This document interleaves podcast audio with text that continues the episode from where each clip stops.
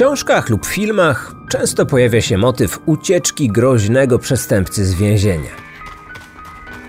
Ta świadomość o grasującym bandycie, który w każdej chwili może zaatakować niewinne osoby, wzbudza u ludzi wielką obawę. I tak jest od wielu lat.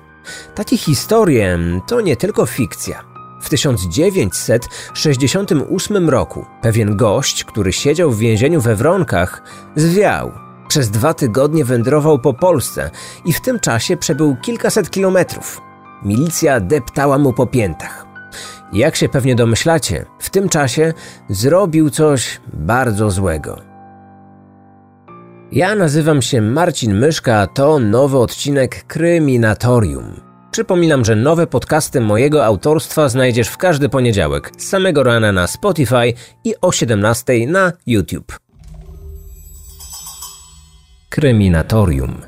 Otwieramy akta tajemnic. Jak pewnie wiecie, największy zakład karny w Polsce znajduje się we Wronkach.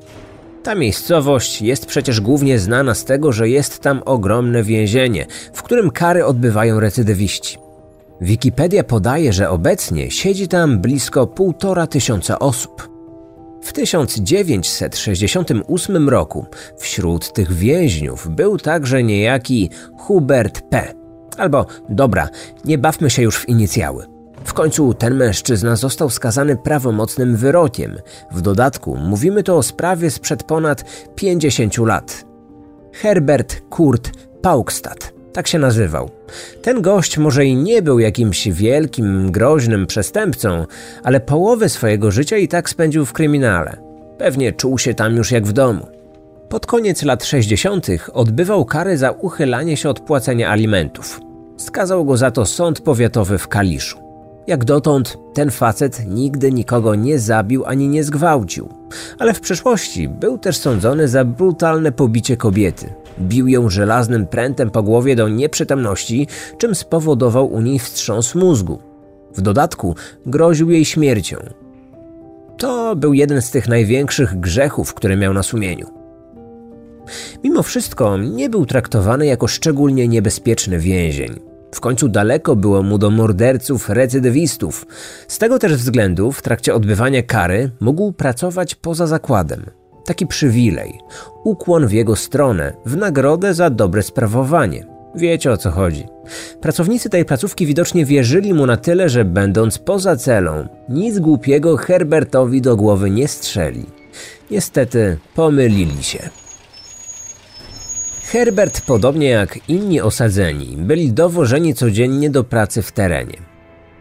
Wykonywali tam powierzane im obowiązki, a po kilku godzinach wracali do swoich cel w zakładzie karnym we Wronkach. Dla więźniów była to świetna odskocznia. Nawet jeżeli robota była ciężka, no bo niejednokrotnie tak było, to przynajmniej działo się coś ciekawego, coś innego.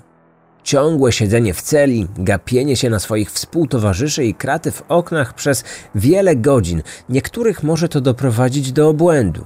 Nic więc dziwnego, że zazwyczaj odbywający karę więźniowie chętnie zgadzają się na taką pozazakładową aktywność. Tak jest w obecnych czasach i zakładam, że podobnie było i w czasach PRL-u. 23 sierpnia 1968 roku Herbert pracował z kumplami w państwowej stadninie koni w Posadowie. Jednak tego dnia nie zamierzał wrócić do swojej celi. Razem z innym więźniem, z Henrykiem, postanowili zwiać. Gdy tylko nadarzyła się okazja, oddzielili się od grupy i zniknęli z oczu pilnujących ich klawisze. Mężczyźni ruszyli w kierunku zbąszynia. Szli polami i lasami, aby nikt ich nie zauważył. Mieli na sobie ubrania robocze oraz gumiaki. Dzień po ucieczce Herbert zwierzył się swojemu kompanowi i opowiedział o swoich dalszych planach. Jestem gotów kogoś obrabować, a nawet zabić. Dawno nie miałem kobiety. Muszę zgwałcić najbliższą spotkaną, niezależnie od jej wieku. To nie były żarty. Od teraz każda napotkana przez nich kobieta będzie w niebezpieczeństwie. Henryk, słysząc te słowa, zrozumiał, że lepiej będzie oddzielić się od swojego towarzysza. Już sama ucieczka przyniesie im kłopoty, a co dopiero gwałt. Wykorzystał więc pierwszą nadarzającą się okazję i odłączył się od swojego kompana. Od tego czasu każdy z nich radził sobie na własną rękę. Plan Herberta na zgwałcenie kobiety jednak się nie zmienił. Wędrował pieszo przez trzy dni. Jadł to, co znalazł po drodze. Kradł z ziemniaki z pola, żywił się owocami znalezionymi w sadzie i w lasach. Nie miał ciepłej odzieży, pieniędzy ani dokumentów. Pierwszej nocy, którą spędził samotnie, spał w stercie słomy niedaleko Zbąszynia. Innym razem, po kryjomu, wkradał się do mijanych po drodze gospodarstw. W nocy wchodził do stodoły, spędzał tam noc i opuszczał to miejsce zanim nastał świt, tak aby nie spotkać się z gospodarzem. W końcu dotarł do Grójca Małego i Nowej Wsi. W tej okolicy jest całkiem sporo jezior. To był sierpień, słoneczne wakacje. Nad wodą pełno było więc turystów.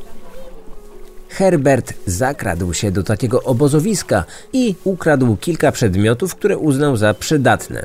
Zabrał ze sobą m.in. kociołek, plecak, przybory toaletowe, nóż oraz, co ważne, ciężki i długi na ponad metr wspornik do namiotu. Teraz był już przygotowany do podjęcia śmiertelnych działań. W czasie swojej wędrówki widziało go wiele osób. Nikt jednak nie podejrzewał, że jest to niebezpieczny zbieg z więzienia. Milicja wtedy nie nagłośniła jeszcze całej sytuacji. Może gdyby komunikaty o uciekinierze pojawiły się w prasie szybciej, nie doszłoby do tragedii.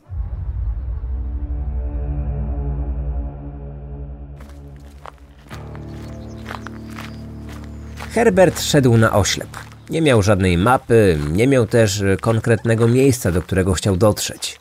Idąc przez pola, w oddali zauważył jakąś postać.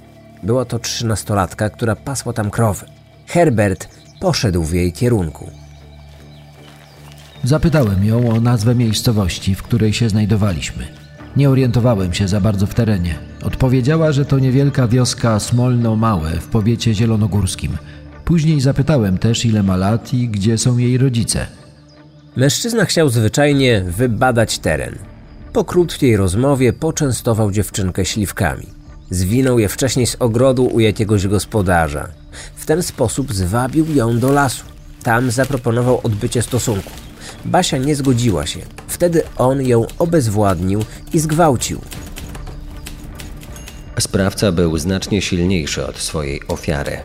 Aby zrealizować plan, który założył sobie już kilka dni wcześniej, nie musiał zabijać Basi. Zdobył to, czego chciał, zaspokoił swoje seksualne potrzeby. Dziewczynka zagroziła jednak, że zawiadomi milicję. W ten sposób rozzłościła swojego oprawcę. Nie zrobił tego jednak od razu. Po odbyciu stosunku dziewczyna wróciła na pastwisko i przepędzała krowy, które się w tym czasie trochę oddaliły. Pasła je dalej. W tym czasie Herbert nadal był w pobliżu pewnym momencie Basia, widząc, że mężczyzna ma krótko ostrzeżone włosy, powiedziała, że z niego jest podejrzany typ i zawiadomi o całej sytuacji milicję. On przestraszył się. Wiedział, że jeżeli oskarżą go o gwałt, to do jego wyroku dorzucą przynajmniej kilka kolejnych lat odsiadki. Nie chciał tego. Uznał więc, że najlepiej będzie pozbyć się tego niewygodnego świadka i tak też się stało. W obronie Basi stanął jej pies. Atakował i ujadał na nieznajomego mężczyznę. Morderca odpędził go silnym uderzeniem w spornika. Pies z kulonym ogonem pobiegł do domu. Zjawił się tam przed siedemnastą i to zdziwiło rodziców dziewczynki. Dlaczego zwierzak wrócił do domu sam? Wieczorem dziewczynka powinna zagonić bydło do obory, ale tego nie zrobiła. To wzbudziło niepokój u jej rodziców. Poszli na pastwisko, aby odnaleźć córkę. Krowy były nakarmione i czekały na powrót do gospodarstwa, ale dziewczynki nigdzie nie było. W miejscu, na którym pasły się zwierzęta, nie było żadnych śladów, które mogłyby świadczyć o tym, że wydarzyło się tutaj coś złego. Basia zwyczajnie zapadła się pod ziemię. Wcześniej nigdy jej się to nie zdarzało. Rodzice zaczęli nawoływać córkę. Bez rezultatu. W końcu postanowili rozszerzyć nieco krąg poszukiwań. Doszli do pobliskiego lasku i tam, dopiero po kilku godzinach, znaleźli ciało nastolatki. Sprawca zadał dziewczynce wiele obrażeń, a narzędzie zbrodni zostawił tuż obok ciała. Jak wynika z protokołu sekcji zwłok i opinii biegłego lekarza, uderzył ją wspornikiem do namiotu w głowę, a gdy była już nieprzytomna, zrobił to jeszcze kilkanaście razy. To spowodowało rozległe pęknięcie podstawy i sklepienia czaszki, rozerwanie opony twardej mózgu, stłuczenie i porozrywanie tkanki mózgowej. To właśnie obrażenia głowy były przyczyną śmierci. Napastnik był niezwykle brutalny. Sprawca najpierw zadał Basi silne uderzenia w głowę, następnie wbił nóż w jej szyję. Do narządów rodnych wepchnął połamaną część wspornika. Zadawał kolejne ciosy martwej już ofierze. Chciał mieć pewność, że ta nie przeżyje, aby nie mogła opowiedzieć o tym, co wydarzyło się przed chwilą na polanie. Jego sposób działania sugerował, że to jakiś potworny sadysta, który delektuje się cierpieniem ludzi i bestialstwem. Po ataku próbował ukryć ciało. Przeciągnął zwłoki z polanki do lasu w kierunku pobliskiego bagna. Dlatego też rodzice nie znaleźli dziewczynki od razu, a dopiero po kilku godzinach. Udało mi się dotrzeć do fotografii wykonanej w czasie oględzin, na której widać ciało denatki. Oczywiście nie mogę wam tutaj tego zdjęcia zaprezentować, ale widać na nim, że trzynastolatka nie miała na sobie dresów i majtek. Jej ciało było w dolnej części obnażone. Co ciekawe, tych elementów odzieży nie odnaleziono przy zwłokach. To zwróciło uwagę śledczych. Sprawca musiał zabrać te rzeczy ze sobą. Zastanawialiśmy się, dlaczego to zrobił. Nie podejrzewaliśmy raczej, aby zrobił to z chęci zysku. Raczej łączyliśmy to z jakąś formą fetyszyzmu. Morderca zabrał też łańcuszek oraz medalik należący do Basi. Te przedmioty pewnie będzie chciał sprzedać albo komuś podarować, a może zostawi sobie na pamiątkę. W trakcie sekcji zwłok w żołądku zamordowanej odnaleziono niestrawione śliwki. Milicjanci wiedzieli więc, że dziewczynka musiała zjeść te owoce na chwilę przed swoją śmiercią. Obok pastwiska nie było drzew śliwy, a Basia tego dnia nie wzięła ze sobą na łąkę żadnych owoców. Na tej podstawie można było założyć, że została poczęstowana śliwkami przez swojego oprawcę. Może i nie był to jakiś szczególny, przełomowy dowód, ale ta informacja mogła mieć wpływ w dalszym etapie śledztwa, choćby jako zweryfikowanie wersji zdarzeń, którą będzie prezentować ewentualny podejrzany. Ruszyło więc śledztwo. Zabójstwa dzieci zawsze są najtrudniejsze. Tutaj trzeba się było jeszcze zmierzyć z brutalnym sadystą, który w każdej chwili mógł zaatakować ponownie Milicjanci chodzili od domu do domu, zadając podobne pytania. Może widzieliście w ostatnich godzinkach kogoś podejrzanego? Może ktoś nieznajomy kręcił się po okolicy? Niestety, nikt we wiosce nikogo takiego nie zapamiętał. Mieszkańcy najbliżej położonych od pastwiska domów nie usłyszeli żadnego krzyku dziewczynki ani wołania o ratunek. Na miejsce przestępstwa sprowadzono psa tropiącego. Zwierzak, co prawda, podjął trop, ale po przejściu ponad dwóch kilometrów go zgubił. W pobliżu miejsca zbrodni zabezpieczono duży odcisk gumowego buta. Był dość świeży. Wszystko wskazywało na to, że mógł zostawić go zabójca. Z czasem do milicjantów zaczęły jednak docierać informacje od innych mieszkańców regionu. Pewna kobieta feralnego dnia między 14 a 15 widziała nieznanego mężczyznę, który szedł drogą polną ze Smolna Wielkiego do Smolna Małego. Zeznała, że mógł mieć około 40 lat. Był raczej średniego wzrostu. Zwróciła uwagę na jego wydłużoną twarz, tak zwaną końską. Włosy miał jasne i był raczej szczupły. Rysopis podany przez świadka był dosyć dokładny. Co więcej, ta końska twarz była niezwykle charakterystycznym elementem jego wyglądu. Kobieta zapamiętała jednak jeszcze dwa niezwykle ważne szczegóły, a mianowicie to, że miał gumowe buty oraz to, że w ręku trzymał kij przypominający wspornik namiotowy. Wszystko się właściwie zgadzało. Ślad gumiaka znaleziono na miejscu zbrodni, a sprawca posługiwał się przecież właśnie takim narzędziem wspornikiem namiotowym. Na podstawie wspomnień tej kobiety przygotowano portret pamięciowy spotkanego mężczyzny. Sprawdziliśmy miejsce, w którym kobieta spotkała tego mężczyznę. Było to w odległości około 2,5 km od pola, na którym Basia pasła krowy. Tam też odnaleźliśmy ślady obuwia. Były to te same ślady, jak te, które wcześniej znaleźliśmy na łące. Mogliśmy więc założyć, że kobieta widziała mordercę. Od teraz było już wiadomo, że jego charakterystyczną cechą jest końska twarz.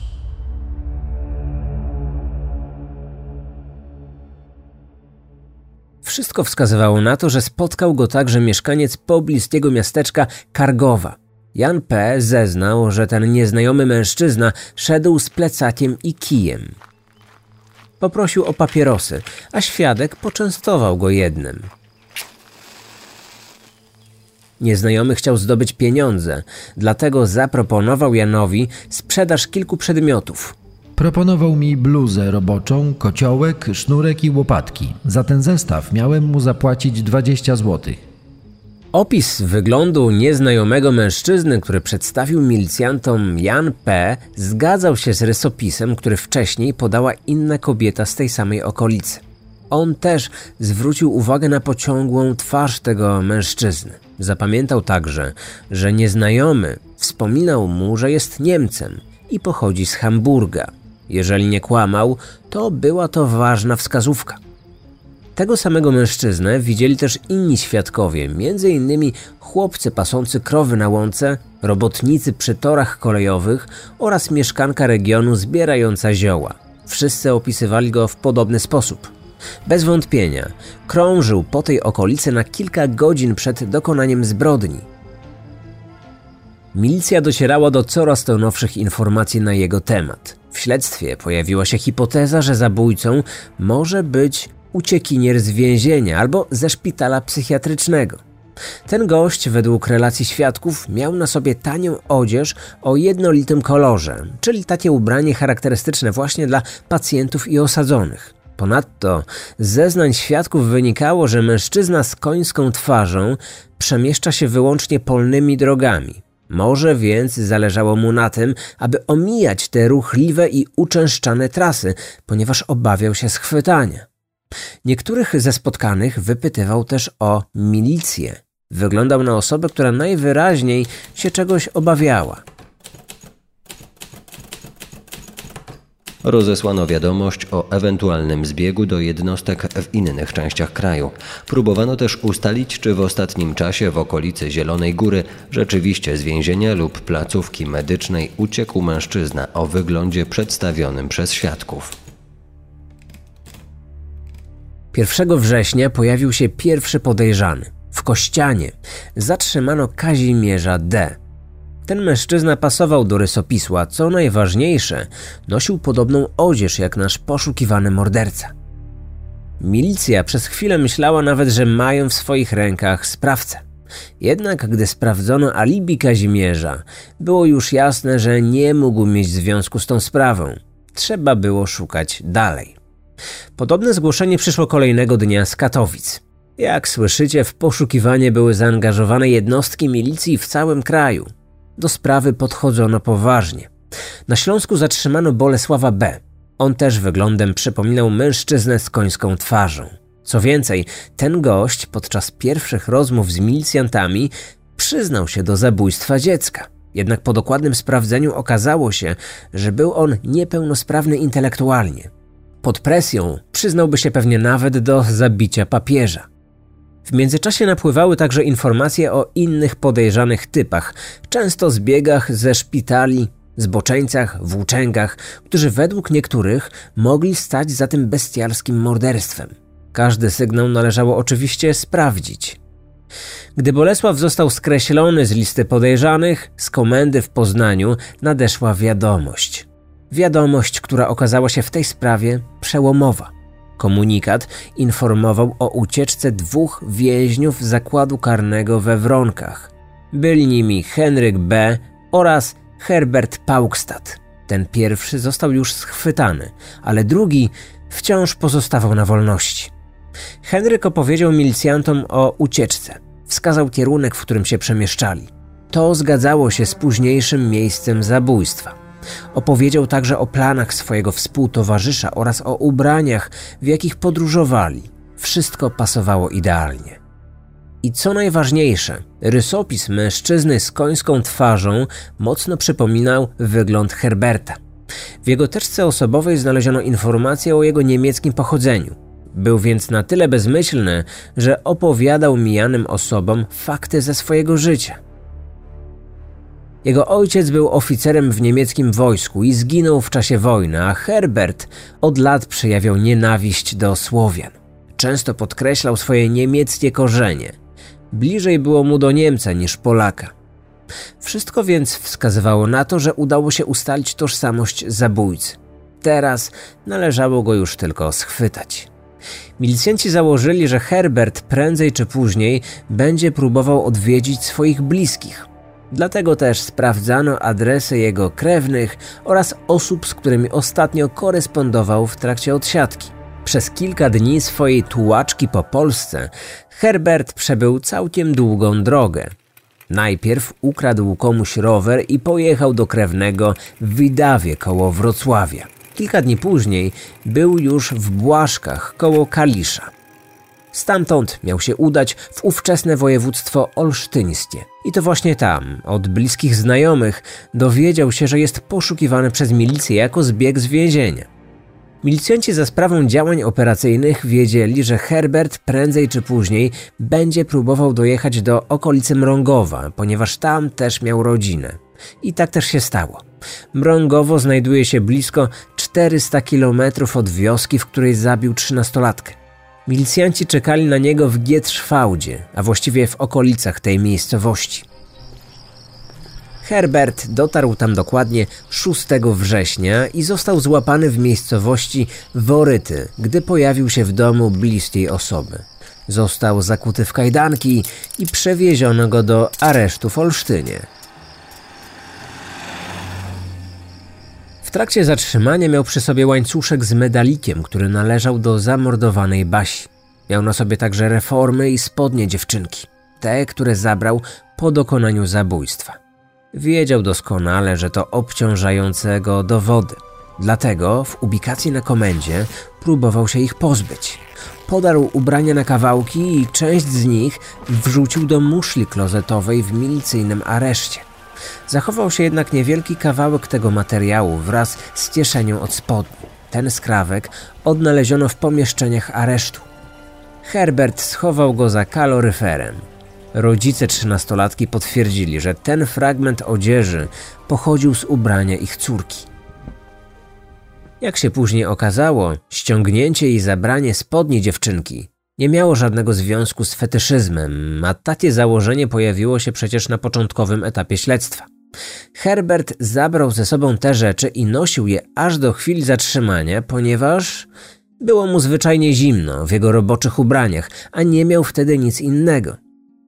Patrzę sobie na zdjęcia tego całego Herberta i dochodzę do wniosku, że coś w tym jest. Faktycznie ma taką trochę pociągłą twarz, którą moglibyśmy nazwać twarzą końską. Ten charakterystyczny wygląd na pewno też miał wpływ na to, że został on zidentyfikowany i złapany stosunkowo szybko. Herbert miał też inne charakterystyczne cechy wyglądu, ale ich akurat świadkowie nie mogli zobaczyć. Chodzi tu o więzienne tatuaże. Na prawej ręce widniała głowa muszkietera i kobiety. Z kolei na lewej ręce wytatuował sobie głowę kobiety i błazna. Jego dolne kończyny też były wytatuowane. Na prawej nodze zrobił sobie rysunek kobiecej nogi, a na lewej księżyc i głowę kobiety. Był więc sprawca, trzeba było go skazać. Zanim jednak doszło do sądowego procesu, biegli psychiatrzy wysłali go na obserwację do Grodziska Mazowieckiego. Badali go przez trzy miesiące. Na tej podstawie wydano opinię. Jest osobnikiem encefalopatycznym z wyraźnie zaznaczonymi odchyleniami od normy struktury osobowości. Specjaliści wykluczyli chorobę psychiczną i niedorozwój umysłowy. Było więc jasne, że sprawca stanie przed sądem, musi ponieść karę za swoje czyny. Początkowo nie przyznawał się do winy, ale zmienił zdanie podczas kolejnych przesłuchań. Wiedział, że śledczy mają na niego wiele dowodów i nie zdoła się z tego wywinąć. Rozpoznali go także świadkowie, widzieli go krytycznego dnia w okolicy miejsca zbrodni. Zaczął więc stopniowo dodawać do swojej wersji zdarzeń coraz to nowsze szczegóły. Najpierw mówił, że zabił, ale żadnego gwałtu nie było. I tej wersji trzymał się przez kilka tygodni. W końcu jednak opowiedział ze szczegółami o faktycznych okolicznościach zbrodni i później trzymał się już tej wersji do końca, zarówno na przesłuchaniach, jak i na sali rozpraw. Taki schemat stopniowego przyznawania się do winy pojawia się bardzo często w podobnych sprawach kryminalnych. Weźmy na przykład Stefana Rachubińskiego, czyli rozpruwacza z Bydgoszczy. On też na początku nie przyznawał się do zabójstwa. Gdy zorientował się, że jest na niego wiele dowodów, przyznał, że zabił, ale kłamał, że miał solidny motyw. Dopiero z czasem, na kolejnych przesłuchaniach, sprawcy zaczynają się otwierać i opowiadają ze szczegółami o faktycznym przebiegu zdarzeń. Sąd w Zielonej Górze uznał jednak, że to przyznanie się do winy nie może stanowić okoliczności łagodzącej. Herbert, zabijając dziecko, działał z pełną premedytacją. Chciał pozbyć się świadka. To był jego motyw. W dodatku obciążające były dla niego zeznania Henryka, z którym wcześniej uciekał. Na sali sądowej siedział recydywista, człowiek z kryminalną przeszłością, który nie przejawiał skruchy za swoje zachowanie i nie rokował na poprawę. Sąd wojewódzki wyraził też pogląd, że wyjaśnienia oskarżonego, że bardzo mu przykro wspominać o czynie, jakiego się dopuścił, to nie jest przejaw skruchy, lecz frazes wywołany obawą przed odpowiedzialnością karną. Według sądu cała jego postawa w czasie rozprawy absolutnie nie pozwalała na stwierdzenie, że potępia siebie jako sprawcę najbardziej okrutnego morderstwa. Dlatego też uznano, że należy go wyeliminować ze społeczeństwa. Został skazany na śmierć. Wyrok wykonano 11 lutego w 1970 roku w centralnym więzieniu w Poznaniu. I w tym też mieście, na cmentarzu komunalnym na Miłostowie, Herbert Paukstad został pochowany. Co ciekawe, na cmentarzu wciąż możemy znaleźć jego grób, a właściwie mogiłę. To jest kopiec ziemi zarośnięty chwastami. Na wierzchu leży jakaś stara wiązanka sztucznych kwiatów. Grób nie jest opłacony, więc teoretycznie w każdej chwili może zostać zlikwidowany i pochowana tam może zostać kolejna osoba. Ale jako, że na Miłostowie miejsca raczej nie brakuje, w końcu to największy pod względem powierzchni cmentarz w Poznaniu, to grób, a raczej mogiła mordercy z końską twarzą zostanie tu pewnie jeszcze na długie lata. Niektórzy z Was może zastanawiają się teraz skąd te kwiaty na jego grobie. Właściwie często zdarza się, że na miejscach pochówku morderców możemy odnaleźć znicze lub kwiaty. Nie wydaje mi się, aby zostawili je członkowie rodziny lub znajomi. Zapewne to jakaś dobra duszyczka, która przechodząc przez cmentarz szuka tych najbardziej zniszczonych i opuszczonych grobów, aby zapalić tam lampkę lub zostawić bukiecik. W wielu rodzinach kultywuje się taką tradycję. Podobną starą wiązankę znalazłem kiedyś również na grobie Stefana Rachubińskiego, czyli rozpruwacza, który był antybohaterem mojego audioserialu. W przypadku wampira z Osielska, bo tak również nazywa się tego przestępcę, nie było to mogiła, a prawdziwy grób. Wiecie, taki z nagrobkiem, nazwiskiem, datą urodzin i śmierci. Innym ciekawym grobowym przypadkiem jest też grób Edmunda Kolanowskiego, czyli osławionego nekrofila. A i tu ciekawostka. E, o tej anegdocie wspominałem ostatnio w relacji na Instagramie, ale no, zakładam, że wielu z Was mojego profilu nie obserwuje, więc opowiem o tym również i tutaj. Po premierze naszego audioserialu o Kolanowskim, który przygotowywaliśmy razem z Michałem Larkiem w zeszłym roku, ktoś wstawił dookoła tej mogiły Edmunda deski. Czyli zwyczajnie ktoś się tym grobem zaczął opiekować. Przez jakiś czas był tam nawet krzyż, teraz chyba tego krzyża już nie ma. Obecnie to miejsce jest coraz częściej odwiedzane przez fanów mocnych, kryminalnych wrażeń. taki punkt na mapie kryminalnego Poznania. Na dziś to już wszystko. Dziękuję Wam bardzo za uwagę. Słyszymy się za tydzień. Pamiętajcie, nowe publikacje w poniedziałek przed południem na Spotify i aplikacjach podcastowych, a na YouTube zapraszam w poniedziałki o 17. Odcinek powstał na podstawie uzasadnienia wyroku w sprawie Herberta Paukstata oraz tekstu autorstwa Stanisława Szczepaniaka opublikowanego w 107 numerze magazynu Problemy kryminalistyki.